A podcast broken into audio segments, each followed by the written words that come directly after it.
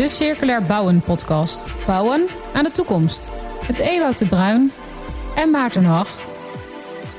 Welkom bij aflevering 14 alweer van de Circulair Bouwen podcast van het transitieteam Circulaire Bouweconomie. Hoe kan circulair bouwen bijdragen aan de grote opgaven in de bouw? Hoe stimuleren we hergebruik? Waar kunnen we gebruik maken van milieuvriendelijke materialen? En hoe verkleinen we de afvalstromen afkomstig van de bouw? Kortom, wat is er allemaal nodig voor een succesvolle transitie naar volledig circulair bouwen? In deze podcast bespreken we de kansen, de uitdagingen en de nieuwste ontwikkelingen met deskundigen en doeners. En vandaag vragen we ons af, hoe bepaal je nou de kwaliteit van hergebruikte bouwmaterialen? Dat is nodig om een bouwvergunning te krijgen. Maar de regelgeving en de praktijk is ingericht op gebruik van nieuw materiaal.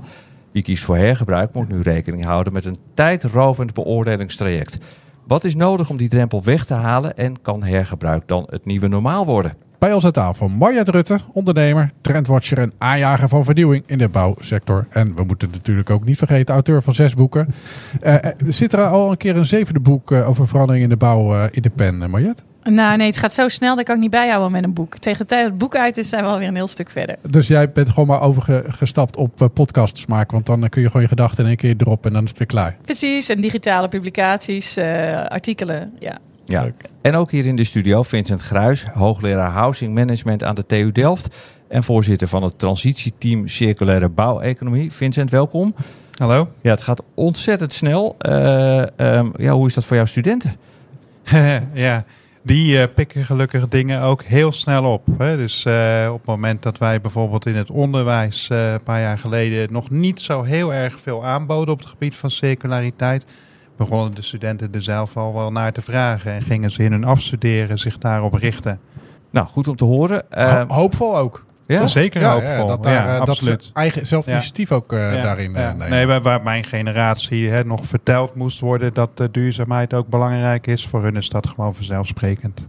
We gaan zo meteen ook kijken naar een mooi voorbeeld. Het Zuiderstrandtheater in Scheveningen. Daar is onze verslaggever Jocelyn Vreugdeel op locatie met Arend van der Beek van demontagebedrijf Lagemaat. Het theater wordt momenteel uit elkaar gehaald en gaat naar Os, waar het weer opnieuw wordt opgebouwd. En daar spreken we ook met wethouder Dolf Warris over zijn ja, tweedehands nieuwe theater.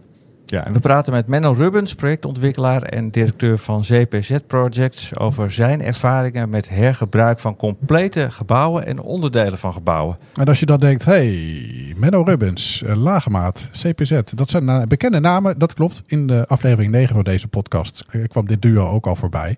Toen we losmaakbaar ontwerpen bespraken met de tijdelijke rechtbank in Amsterdam als mooi voorbeeld. Ja, toen hebben we het nog gehad over dat cellen, dat, zo'n cel die je dan als tuinhuisje kon gebruiken, toch? Ja, ja precies. Ja, ja. ik ben benieuwd of ze inmiddels verkocht zijn, die cellen. Nou, gaan we straks vragen aan, uh, aan uh, Menno. Uh, en ook vast altijd in deze uitzending is onze columnist Jan Willem van de Groep, die ook zijn mening over dit onderwerp geeft. Um, Vincent, hergebruik. We hebben het al een paar keer belicht. Nu gaat het dus over vergunningverlening, kwaliteitbeoordeling. Met het transitieteam werken jullie nu aan een rapport over dit onderwerp. Waar lopen we ja. tegenaan? Ja, nou ja, eigenlijk precies uh, hebben jullie ook bij de inleiding ook al over hadden. Dat uh, die kwaliteitborging, uh, hoe, je dat, hoe je dat op een goede en ook efficiënte manier regelt, dat is echt een grote uitdaging.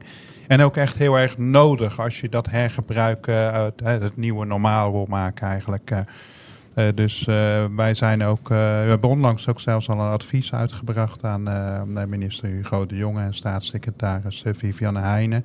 Om ook te gaan kijken hoe je die kwaliteitsborging van her te gebruiken bouwmaterialen ook kunt institutionaliseren. En dat vind je misschien een eng woord, want het gaat natuurlijk ook heel veel om innovatie en, en ondernemerschap. Maar om dit gewoon gangbare praktijk te maken, moet je ook nieuwe instituties ontwikkelen. Ja, want bij vergunningverlening gaat het natuurlijk ook om veiligheid. Dus iets, moet kwalitatief, dus ik maar zeggen, zo goed als nieuw of liever nog beter zijn. Uh, want dan weet je dat het veilig is, dat de boel niet instort uh, ja. binnen, nou laat zeggen, 80 jaar. Ja, precies. Nee, want dan is hè, duurzaamheid, circulariteit is dan in één keer weer maar één van de vele aspecten die belangrijk is. Hè. Het moet ook gewoon uh, leiden tot gebouwen waarin het fijn is om te wonen, werken, winkelen, whatever. en inderdaad, veiligheid is, is nummer één. Als, uh, als je iets hergebruikt en na uh, twee jaar stort het in uh, met heel veel vervelende gevolgen, dat is niet wat je wil hebben. Marjet, wat zie jij langskomen op dit gebied in de, in de bouw? Nou, het, is nog wel eh, steeds heel lastig. Je ziet mondjesmaat ook de fabrikanten. En ik vind dat wel een mooie ontwikkeling. Dat uh, steeds uh, meer fabrikanten zijn die bereid zijn om producten ook terug te nemen. Het is nog wel heel voorzichtig. En het is ook wel heel lastig. Ik weet niet of we daar zo meteen nog verder over gaan spreken. Maar ja, als fabrikant, want het is best wel een logische dat je de fabrikanten verantwoordelijkheid geeft van toets jij die materialen of die goed genoeg zijn om te hergebruiken. Maar dan zeg je dus eigenlijk tegen een bedrijf: oké, okay, datgene wat je produceert, dat mag je niet meer verkopen. Maar je moet nog wel eventjes controleren of de kwaliteit van datgene wat je uh, 40 jaar geleden verkocht hebt, of dat goed is. en dan weer laten zorgen dat het weer opnieuw gebruikt kan worden. Ja, dat is natuurlijk wel een beetje een lastige. Dus daar zullen we echt producent die niet uit zichzelf doen. Maar, maar... Nou ja, er zijn dus wel voorbeelden van producenten die dat wel uit zichzelf doen. Dan worden die materialen natuurlijk ook weer verkocht hè, voor, voor waardes. Alleen de restwaarden die worden toegekend zijn nog relatief beperkt, omdat het gewoon ja, ook wel heel spannend is. En eerder besproken deze podcast, daar past dan de gedachte van, van eigenaarschap van materialen uh, uh, naar de toekomst toe. Een soort abonnementsgedachte uh, bij. Hè? Maar goed, dat is er nu niet. Dus nee, als je en... nu hebt verkocht, ben je er vanaf. Nou ja, en bovendien, weet je, dat is voor sommige producten uh, is dat interessant. Maar er zijn, ik denk dat er ook echt wel veel producten zijn waarvoor je de servicemodellen echt wel heel moeilijk toepasbaar uh, zijn. Dan zit je eerder aan een uitgebreide producentenverantwoordelijkheid-achtige systemen te denken. Kijk, uh, een lift of zo, dat kun je prima als een service. Dat, de producten die hoogwaardig, technisch hoogwaardig zijn, zijn logisch als servicemodellen aan te bieden. Uh, maar iets wat zeker vast verwerkt is, ja, een baksteen waar uh, cement omheen zit, et cetera. Overigens is daar ook een bedrijf voor, dat trouwens hele gevels in Duitsland. Die haalt de bakstenen uit de gevels.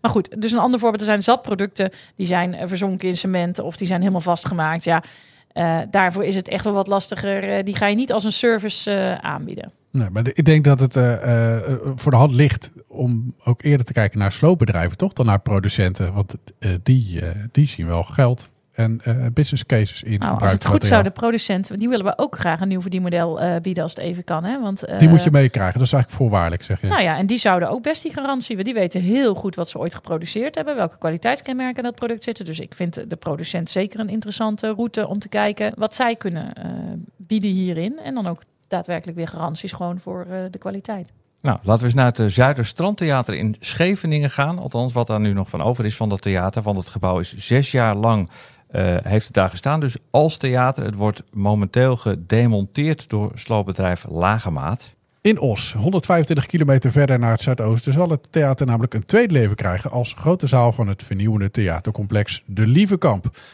Met dit project hebben Lagemaat, architectenbureau CPZ en de gemeente Os een primeur. Het is namelijk de allereerste keer ter wereld dat een theater wordt hergebruikt. We gaan naar Jocelyn Vreugdeheel. Dit is de Circulair Bouwen podcast. Met nu circulaire bouw in uitvoering. Ik ben in Scheveningen bij het Zuiderstrandtheater, althans wat daar nog van over is. Want er staat nog een geraamte van staal en beton, dat is alles. De rest is al naar Os, waar het een tweede leven krijgt, eveneens als theater. Arend van der Beek staat naast mij van Lagemaat, die de demontage doet. Arend, wat is het percentage hergebruik? Uiteindelijk komen we zo iets door de 80% heen van het materiaal wat we, wat we één op één meenemen naar de OS. 80%. En dan hebben we het over staal, glas en... Beton dat zijn toch met name de zware materialen. Dus wij kijken met name naar dit soort trajecten, naar de constructie en de skin. Dat zijn eigenlijk beton, staal en glas. Dat zijn de grote hoeveelheden materiaal, eh, waarin ook veel CO2 komt kijken. En heel even, want het gebouw heeft hier zes jaar gestaan. Uh, merk jij dat? Uh, zie je dat, dat het materiaal uh, te lijden heeft gehad of is het eigenlijk prima? Nee, het is wel prima. Wat we wel merken is dat je aan zee zit. Dus we zagen wel dat met name de installaties, er waren wat externe aanbouwtjes, dat die aangetast zijn door het zoute, de zoute lucht. En wie bepaalt dat nou? Of het materiaal goed is of niet om her te gebruiken? Ja, dat, dat bepalen wij van lage maat eigenlijk. Maar in dit geval uh, hebben we een samenwerking, uh, een joint venture met eh, CPZ, de, de architect-ontwikkelaar uit Delft. Daar doen we veel van dit soort projecten mee, omdat zij ook al tientallen jaren remontabel ontwerpen. Dus daar waren we ze al, al vrij snel tegengekomen. En dit gebouw werd, werd jaren geleden eigenlijk op de markt gebracht van... Nou markt, wat kunnen jullie ermee? En daar hebben wij ons voor gemeld vanuit Lagemaat. Om te kijken van, is deze uit elkaar te halen en kunnen we daarmee uh, iets nieuws gaan bouwen. Nou, is het dating site voor gebouwen of zo? Ja, dat wordt uiteindelijk, wordt dat, dat, daar zijn we nu heel ver mee met, met een aantal. We doen dit best al wel uh, heel intensief en het wordt een hele professionele uh, ja, business. Eh, en we zien dat er vanuit heel Europa daarnaar gekeken wordt van hé, maar wat daar gebeurt, dat wordt altijd van gezegd dat het niet kan. En toch kan het daar op een of andere manier wel. Wat En- kan dan niet? Nou, met name materialen die je hier oogst. Als je die in de reguliere bouw bij een ontwikkelaar die een nieuw gebouw neerzet, als je daarmee een match probeert te maken, is dat eigenlijk de twee werelden eh, met elkaar in botsing komen. Want die willen liever nieuw. Ja, de bouw is gewend om met nieuw te werken. Dus op het moment dat je zegt we gaan de- delen van je lijst gaan we vervangen met secundair materiaal, dus, dus teruggewonnen materialen, dan wordt er vervolgens een vergelijk gemaakt. Dus eh, als ik een nieuwe kanaalplaat koop, dan kost die zoveel en dan kan ik er dat mee en dan zijn dat de garanties en zo moet ik het doen. En al die dingen die ik nou net noem, die is bij het, een tweedehands kanaalplaat anders. Waar loop je dan tegenaan op dit moment? Regelgeving, vergunningen? Ja, ja je, eh, de bouwvoorschrift, dus het- het voorschrift hoe monteer je een kanaalplaatvloer is vandaag de dag natuurlijk heel anders dan dat je zegt van hoe, eh, hoe remonteer ik een teruggewonnen kanaalplaatvloer die nooit ontwikkeld was om te herwinnen. Ja, precies. En dat is een ingewikkeld proces. En daar moet je dus eigenlijk als, nou, als wij zeggen toch gaan we dat doen, betekent dat dat ik in die nieuwbouwplannen dat ik alles moet verantwoorden over die kanaalplaat. Waarom ziet die er anders uit? Hoe werk je dan toch veilig? Hoe kun je aantonen dat die kanaalplaat het eh 10, 20, 30, 40 jaar uithoudt? Hoe zorg je dat je daar garantie voor hebt? Want je moet een bouwvergunning conform bouwbesluit krijgen. En je wil ook graag een opstalverzekering. Ja, precies. Dus eigenlijk vertel je hiermee, je bent iets aan het uitvinden opnieuw. Je bent de regels opnieuw aan het schrijven. Ja, ja, en doordat we dat dan doen, hè, want we, we hebben helemaal niet de basisambitie om ontwikkelaar of bouwer te worden. Maar we hebben wel de, de ambitie om het circulair te krijgen. Om stappen te maken richting 2050. Eh, en hoe versnel je dat proces? Door eigenlijk dat kip-en-ei probleem wat er is. Tussen materialen voor de nieuwbouw. Ehm, om te zorgen dat we gewoon kip en ei direct in één keer doen. Dus dat betekent dat de overdracht van de geoogste materialen naar de bouwer. Die overdracht is er nu niet, want dat is voor ons een intern proces. Maar ik moet aan het einde, als opleverende bouwer, moet ik natuurlijk wel voldoen aan bouwbesluit. En moet ik ook de garanties en de attesten. Ik moet alles wel doen conform de regels. Ik zie nu geen vrachtwagens, maar jullie zetten dat op een vrachtwagen en hop naar Os. Ja, ja, Nou, dan gaan we nu even kijken in Os. ja, heel goed. Ja, we lopen op het moment eh, in de foyer eh, van de Liefkamp om even te kijken van eh, wat voor stuk eigenlijk straks nog blijft staan. Want we lopen zogenaamd in het oude theater, wat natuurlijk heel erg raar is hier, dat dit oude theater straks gewoon weer terugkomt in een nieuw theater. En dan als middenzaal en niet als grote zaal. Ja, want dit stuk blijft hier. De Ja, we lopen nu, je ziet nu, we lopen nu het toneel op, we lopen nu zeg maar achter de coulissen.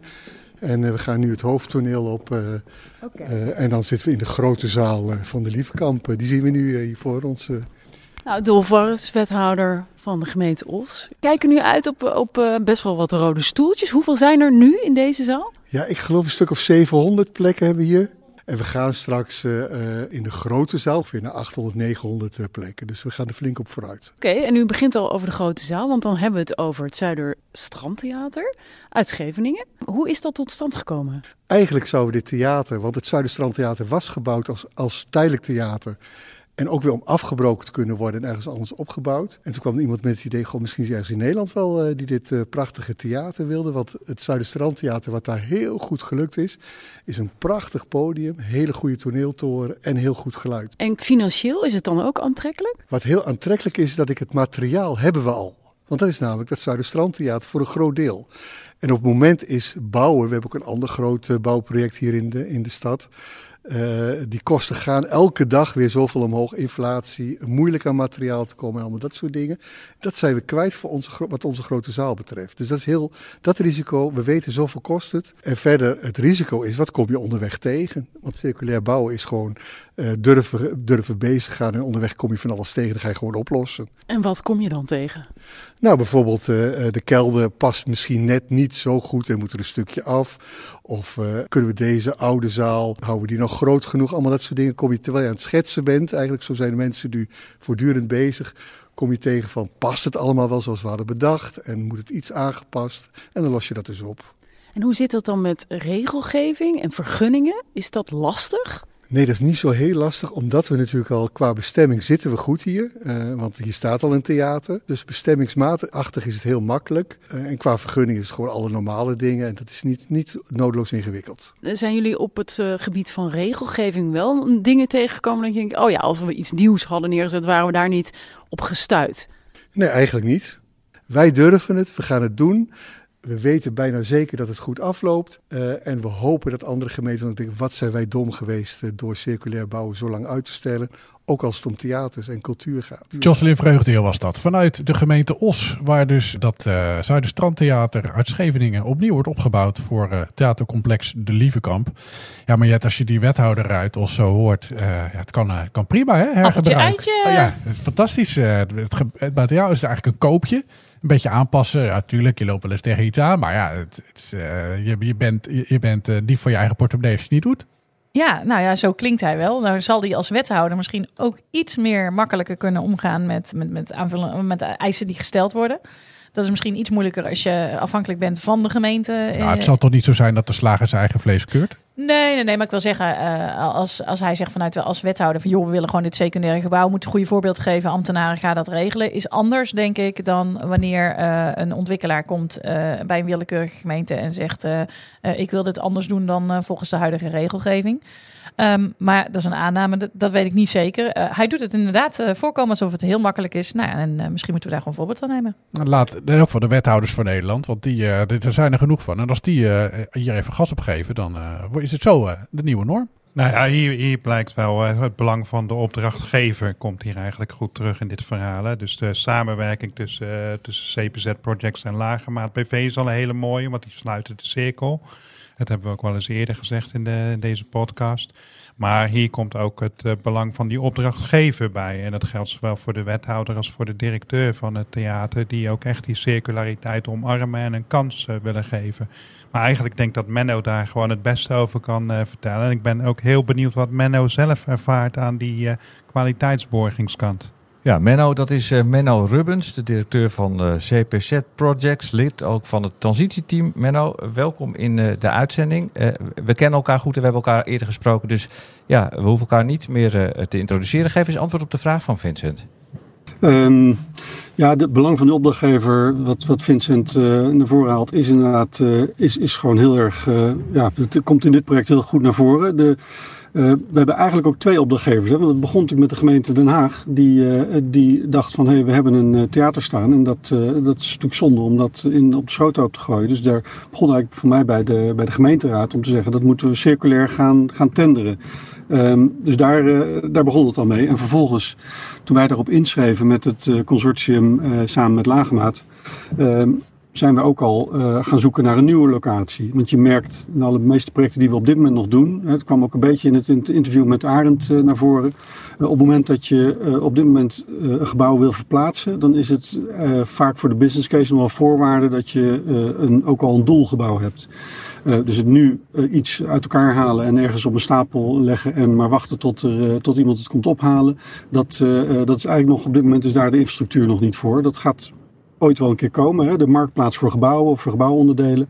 daar wordt natuurlijk wel druk aan gewerkt, maar die is nog niet volwassen genoeg om daar echt al een hele bouweconomie op te kunnen draaien. Nee, dus nu heb je gewoon vergunningen nodig, je hebt regels nodig en je hebt ook een doel nodig.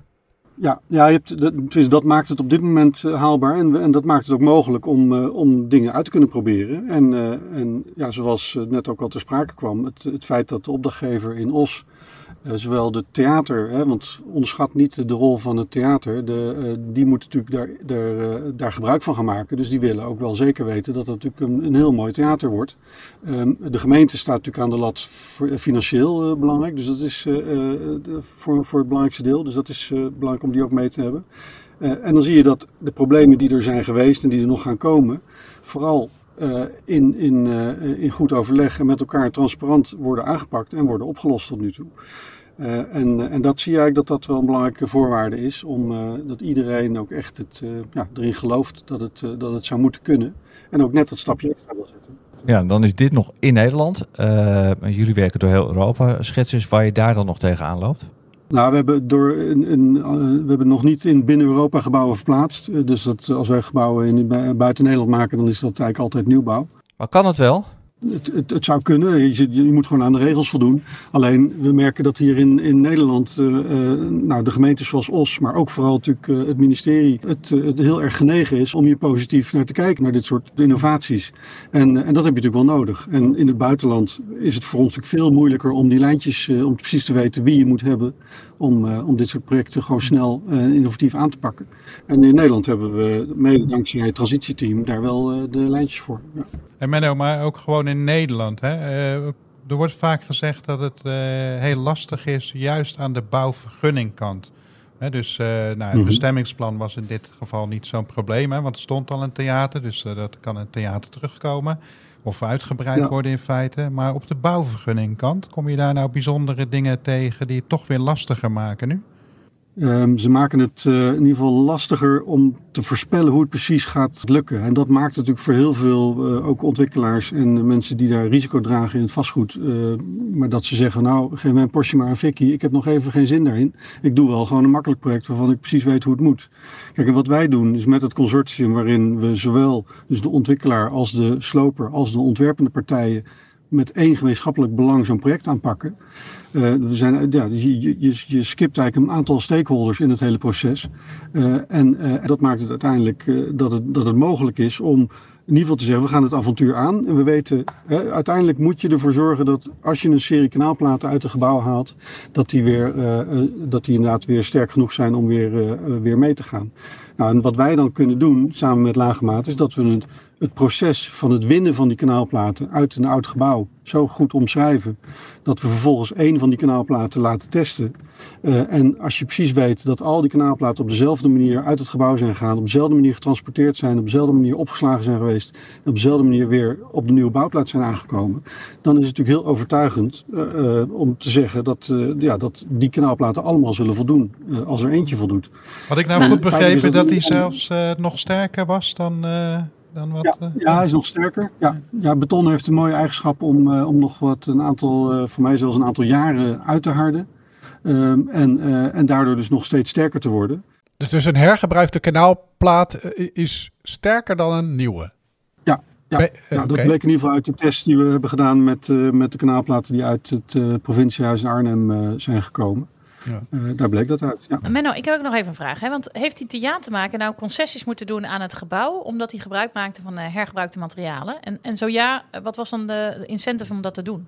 Nou, de, de, de, de Zuiderstrandzaal die was al bij de directeur van, uh, van de Lievekamp al bekend. Als, uh, die stond al bekend als een hele goede zaal. Dus op het moment dat die ter tafel kwam, uh, was meteen iedereen enthousiast. Omdat ze wisten wat de kwaliteit van die zaal was. Over, overigens niet, niet losmaakbaar ontworpen toch, Menno? Maakte dat nog uit? Nee, het is, wel, het is wel tijdelijk gebouw ontworpen, maar niet, niet zodanig losmaakbaar zoals we bijvoorbeeld de tijdelijke rechtbank hebben ontworpen. Dus je moet wel, er moet wel wat meer gezaagd en, en geboord worden nog. Um, maar goed, ook daar draait de lage maat zijn hand niet voor om. Dat is, het zou dat verboden moeten worden dat je voor een tijdelijke vergunning iets mag neerzetten wat niet ontworpen is als losmaakbaar. Dat is natuurlijk wel absurd. Maar het, ja, het lukt dan toch. Uh, uh, uh, omdat er wordt ge gezien van ja, het is gewoon een geweldige zaal. Die wil ik gewoon hebben in Os. ja, is het zo makkelijk? Ja, het is, nee, je gaat, we vielen een aantal dingen samen. We waren op dat moment bezig met een masterplan voor, voor die zone, um, die Raadhuislaanzone in, in Os. En op hetzelfde moment kwam die tender voor het Zuiderstrandtheater uh, uh, langs. En, ja, en dan moet je natuurlijk een beetje geluk hebben dat je net met dezelfde mensen aan tafel zit. Dat, dat we zeggen, hey, kunnen we dat niet combineren? Uh, dat net die dag daarna er een, uh, een presentatie was in Os uh, voor, voor, de, de, voor de directeur van het theater en de, en de wethouders. Waarin dat die meteen dat idee gedropt kon worden door CPZ. En, ja, en zo ja, moeten een aantal dingen natuurlijk wel goed samenvallen. En dat was bij dit project in ieder geval het geval. Ja, dat is mooi. Dus hebben jullie dit project succesvol kunnen doen en dus ook nog aangetoond dat uh, oude kanaalplaten dat ze doorgerijpt zijn als een soort wijn, dat het gewoon uh, betere kwaliteit wordt. Is dat niet ook een deel van de oplossing, Vincent? Dat je toch ziet dat materialen uiteindelijk misschien soms wel beter worden. Terwijl we nu vooral mensen horen zeggen: ja, dat weten we allemaal nog niet. Het is toch een van de bewijzen dat het werkt. Nou, zeker. Dus we moeten ook. Dit zijn dan pilotprojecten of zo, zo zou je het nog kunnen, kunnen noemen. Hoewel ze het steeds vaker gaan doen. Maar je moet die data heel goed, uh, heel goed gaan verzamelen vanaf dag één eigenlijk. zodat je ook langzaam die database opbouwt. En dat je op een gegeven moment ook dat hele toetsingsproces steeds soepeler kan en efficiënter kan laten lopen zodat je ook daar ja, in feite de kostencomponent uit, uit het hergebruik haalt. Het is niet alleen dat die materialen, soms worden ze beter, maar soms worden ze ook gewoon meer waard. Hè? Ik bedoel, ik, ik woon in een, uh, een boerderij uit 1860 met uh, balken erin. Nou, ik eh, denk wat ze vandaag de dag voor die balken uit mijn boerderij betalen, is meer dan dat in 1860 voor die balken betaald De hele boerderij gekost heeft waarschijnlijk. ja, waarschijnlijk. En dat zit er niet alleen in nou, inflatie, maar ook in, in materialen schaarste bijvoorbeeld. Nou ja, en ja, precies. De kwaliteit van de materialen die we in die tijd gebruikten. Ja. Menno, één vraag nog die open staat. aan het begin van de uitzending constateerden we al, we hebben met jullie gesproken rondom die rechtbank. En toen ja, stelden we onszelf aan, de, aan het eind de vraag, van, aan het eind van die uitzending, van zou je nou uh, zo'n cel kunnen kopen en dat als tuinhuisje kunnen gebruiken? Uh, heb je al die celletjes verkocht? Was daar markt voor? Nou, ze zijn nog niet allemaal weg, maar er is wel een, uh, uh, niet als tuinhuisje, maar uh, Lagemaat heeft er samen met een, met een ecoloog uit de omgeving daar de zogenaamde ecomaatjes van gemaakt. En dat betekent dat ze die, die twee van die cellen op elkaar zetten en uitrusten met allerlei materialen die vriendelijk zijn voor, voor insecten en voor vleermuizen enzovoort. En die zet je ergens in het bos en dat wordt een soort, ja, een soort motel voor, voor fauna. En, en, die, en daar zijn er een aantal neergezet en dat is heel, heel succesvol. Ja. Dus dat, uh, daar is ook weer een nieuwe functie voor bedacht. Ja. Precies, dus die, die rechtbank is verplaatst en die cellencomplexen, nou ja, uh, van, een, van een cel wordt het uiteindelijk een veilige plek voor, voor insecten in de natuur. Ja, klopt. Ja. Goed, ja. Menno Rubbens van CPZ Projects. Ja, altijd goed voor succesvolle, inspirerende voorbeelden, Menno. Uh, het, is, uh, het is mooi om je weer uh, eventjes erbij te hebben gehad. Succes en keep up the good work. Graag gedaan. Dankjewel. Verder naar uh, Jan-Willem van de Groep, denk ik, hè? Ja, onze uh, dwarsdenker en columnist die ook over nou ja, deze zaak uh, zijn lichtje laat schijnen. Dit is de Circulair Bouwen podcast. Met nu Circulair Bouwen volgens Jan-Willem. Wat de vergunningsverlener niet kent, gebeurt niet. Het hergebruik van grondstoffen, materialen en bouwdelen is niet erg makkelijk in dit land. Ondanks alle beloftes en afspraken om in 2030 nog maar 50% niet hernieuwbare grondstoffen toe te passen, komen de stimulerende condities maar niet van de grond. Ook niet zo vreemd natuurlijk als je bedenkt dat de bestaande bouwpraktijk nog altijd een stevige vinger in de pap heeft bij het bedenken van de industrienormen. De producenten van nieuwe materialen zitten niet te wachten op meer hergebruik. Althans, op dit moment nog niet. Het helpt ook niet mee dat vergunningsverleners weinig ervaring hebben met hergebruik. Daardoor gaan ze allerhande extra vragen en eisen stellen, waarover ze bij gangbare materialen niet eens nadenken. Dat zien we ook bij houtbouw en biobased bouwmaterialen. En in het verleden zagen we het bij energie. Het lijkt wel of men bij nieuwe bouwpraktijken met het stellen van eisen altijd in de overdrijf gaat. Gelukkig komt de nieuwe wet kwaliteitsborging voor het bouwen eraan.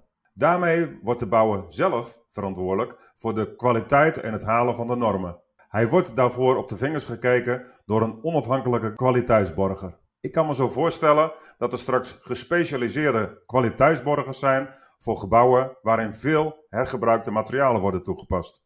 Mensen met veel ervaring die precies kunnen vertellen wat wel en niet kan en die veel verstand hebben van gelijkwaardigheid. Het demonteren en hergebruiken van grondstoffen, materialen en bouwdelen zal naar mijn idee nooit een enorme vlucht nemen. We slopen namelijk aanmerkelijk minder dan we nieuw bouwen. Toch doet iedere kilo CO2-winst ertoe in de bouw. En dus verdient deze praktijk veel meer ondersteuning vanuit het Rijk en vanuit opdrachtgevers. Om het aantal hergebruik van grondstoffen en materialen in de bouw te vergroten, is denk ik een holistische aanpak nodig.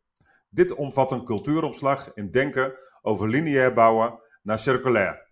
De ontwikkeling van technische oplossingen en innovaties het stimuleren van samenwerking, het creëren van passende en stimulerende regelgeving en het bieden van economische stimulansen. De eerste is de belangrijkste, denk ik.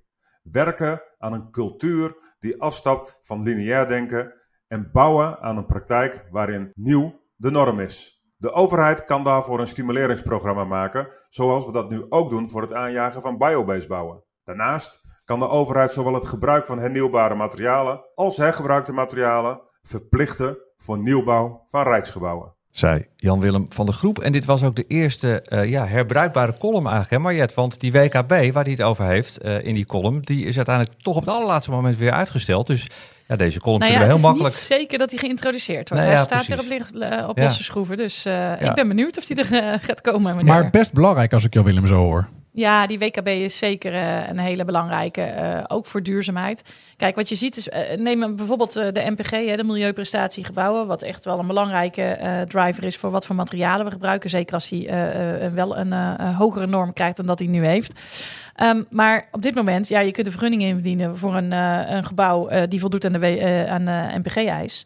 Maar of dat die ook gebouwd wordt voldoend aan vol- eh, en daarmee voldoet aan de MPG-eis, is maar een grote vraag. Want over het algemeen bouwen we niet precies wat we als vergunning hebben ingeleverd. Nou, als die WKB er is, dan eh, ben je verplicht dat dat eh, aan te kunnen tonen, dat je ook daadwerkelijk zo gebouwd hebt. Dus daarmee is dat een belangrijke aanjager. En het zou jammer zijn als die weer langer uitgesteld wordt. Ja, is dat inderdaad de oplossing, Vincent? Dat een onafhankelijke partij gaat kijken of je wel aan de, aan, de, aan de bouwvergunning en aan de aanvraag gehouden hebt? Nou, ja, handhaving is natuurlijk ontzettend belangrijk. Hè? Als je gaat normeren, dan moet je ook handhaven. Ja, maar Jet heeft het in feite al, eh, al gezegd. Dus ik ben het daar heel erg mee eens. Maar Jan Willem ziet het dan zo voor zich dat er gespecialiseerde eh, kwaliteitsborgers kunnen komen, speciaal voor Ja. hergebruik. Ja. Dat dat een gevolg zou kunnen zijn van deze wet. Dat- Zie je dat- dat ook? Nou, een gevolg van die wet in combinatie met het feit dat we vaker gaan hergebruiken. Dus dat is in feite een deel van die institutionalisering waar we het aan het begin eh, van deze aflevering over hadden.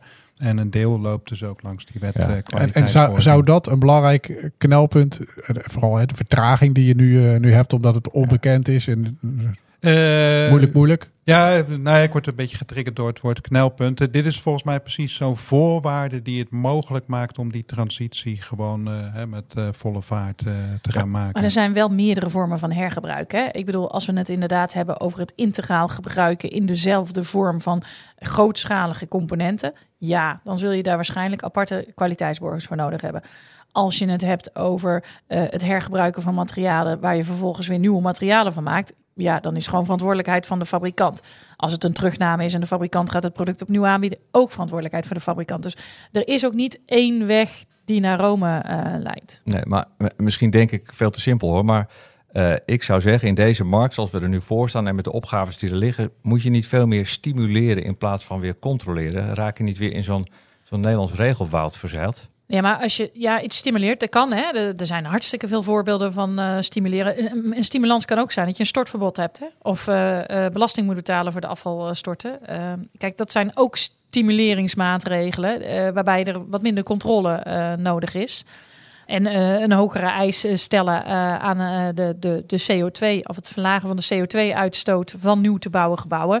Ja, dat is ook een, een stimulans. Je- Maar het is ja, wel iets wat je moet controleren. Ja. Jan, Jan Willem die raakte dat natuurlijk in het einde van zijn column aan. Hè. En, nou, ik vind dat het wel een aardige gedachte. Hè. Er er is een betonakkoord, er is een bouwakkoord staal met building balance. Wordt eindelijk ook eens een impuls gegeven aan biobased. Dus zou je niet ook een soort programmalijn moeten hebben voor, eh, voor hergebruik? Eh, Dat vind ik wel een interessante gedachte. Ja, en, en is het uiteindelijk niet ook zo dat je, worden er niet onredelijke eisen gesteld op dit moment aan, aan circulariteit? Aan, we weten nog van sommige dingen niet hoe het uitpakt, maar moet je niet die stap gewoon een keer maken? Die, die vind ik wel heel lastig, want dan kom je ook weer terug eigenlijk bij waar we het in het begin over hadden. Hè. Kijk, iets als veiligheid, ik denk dat we dat allemaal toch maar gewoon heel belangrijk moeten vinden. En dat je daar dus ook toets eh, op, eh, op wil hebben. En- wat is daar dan het, het- ja, toch het belangrijkste eh, wat er op korte termijn, denk jij, gerealiseerd kan worden? Oeh, vind ik, vind ik lastig. Eh, want dan komt toch bij mij komt er zoveel naar boven. Hè, van eh, ook allemaal veel kleine dingetjes die bij elkaar moeten komen. Om eh, eigenlijk dat hergebruik ook net zoals nieuw gebruikte materiaal. Om dat gewoon heel normaal te laten zijn in ons systeem. Ja, dat is niet, dat is, ja, dan is het toch niet één dingetje voor mij. Maar wat wel duidelijk is, is dat die kwaliteitsborging ook gewoon geregeld moet worden voor hergebruik. eh, en dat dat eh, soepel moet lopen.